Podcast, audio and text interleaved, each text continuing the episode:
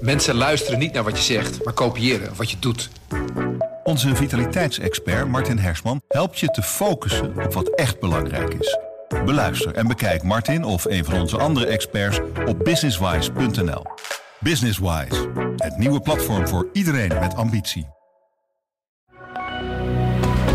Goedendag, dit is het nieuwsoverzicht van de Stentor. Bewoners van een chaletpark in Stegeren strijden binnenkort voor de rechter over een verbod op het stoken van brandhout en pellets. Dat stookverbod is door een meerderheid van de eigenaren aangenomen in een ledenvergadering in juni 2022.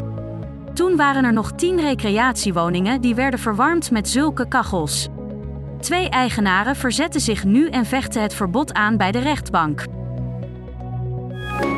Minister Dilan Yesilchos van Justitie en Veiligheid spreekt haar afschuw uit over de confrontatie tussen kick-out Zwarte Piet demonstranten en tegendemonstranten in Staphorst afgelopen weekend. Demonstreren is een groot recht, sta voor wat je wil, maar je mag nooit met geweld of intimidatie de ander de mond snoeren. Daar is geen excuus voor, zegt de minister via Twitter.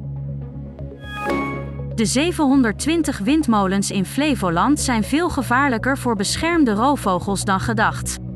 Dat blijkt uit onderzoek van de Universiteit van Wageningen. Roofvogels zijn relatief vaak slachtoffer van windturbines in vergelijking met andere vogelsoorten. De wieken van molens zwart verven zou volgens de onderzoekers een oplossing voor het probleem kunnen zijn.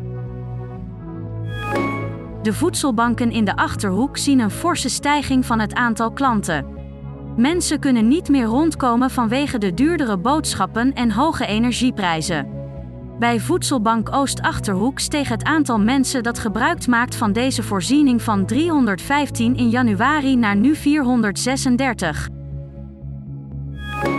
Paul de Leeuw bekent in het tv-programma Boerderij van Dorst dat hij wel eens te ver ging in zijn gedrag achter de schermen. Hij stelt dat hij voor een opname altijd een beetje aan het pesten was. Je gaat soms over de grens. En dan moet je gecorrigeerd worden, zegt hij.